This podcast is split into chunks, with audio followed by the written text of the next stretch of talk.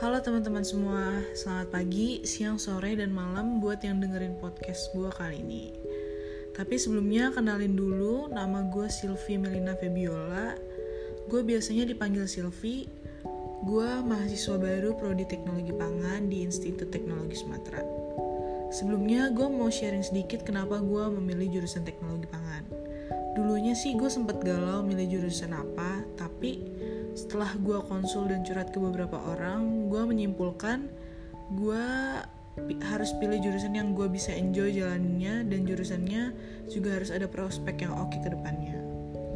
Menurut gue teknologi pangan ini pilihan yang cocok buat gue selain itu pangan termasuk salah satu bidang yang akan terus dibutuhkan selama manusia masih ada. Jadi ya menurut gue ini bakal terus dibutuhkan di masa depan dan rencana gue dalam jangka pendek yaitu gue mau uh, ikutin beberapa organis organisasi yang mungkin bisa mengasah skill dan hobi gue rencananya sih gue mau ikut UKM basket sama padus karena ya gue mau ngelanjutin apa yang pernah gue jalanin di SMA terus jangka menengahnya gue pengen dapet nilai IPK yang bagus ya dengan cara belajar dengan serius dan gue nggak mau jadi mahasiswa yang pasif tapi gue maunya jadi yang aktif.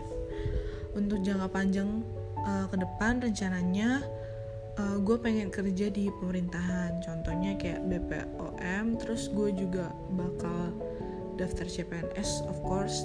Uh, atau kalau bisa ya gue kerja di uh, bawah Kementerian Ketahanan Pangan. Ya gue berharap pangan Indonesia kualitasnya makin baik sehingga kita bukan cuma ngimpor tapi kita bisa ekspor pangan kita yang berkualitas. Ya sebelumnya kita harus penuhi dulu kebutuhan pangan Indonesia yang pasti berpengaruh juga ke kesehatan gizi penerus bangsa. Ya itu aja sih sharing sedikit tentang plan ke depannya semoga teman-teman enjoy dengarnya dan siapa tahu juga bisa jadi motivasi. Oke sekian dulu ya. Dadah